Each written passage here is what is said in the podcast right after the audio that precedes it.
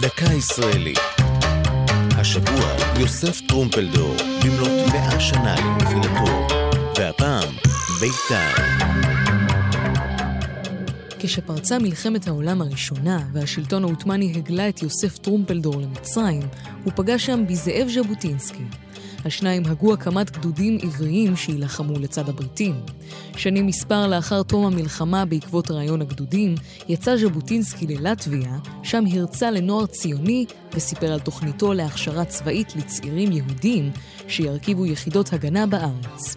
בזכות הביקור המלהיב הוקמה תנועת הנוער הרוויזיוניסטית בית"ר.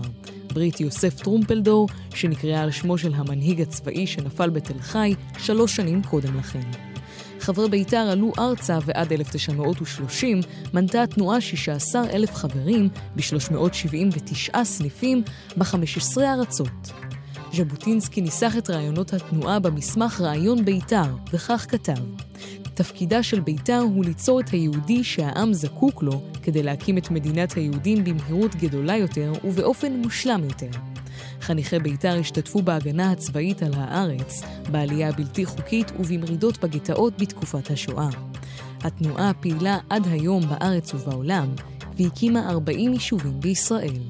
זו הייתה דקה ישראלית על יוסף טרומפלדור ובית"ר. כתבה עמליה נוימן. ייעוץ יוסף קיסטר. הגישה עמלי חביב פרגון.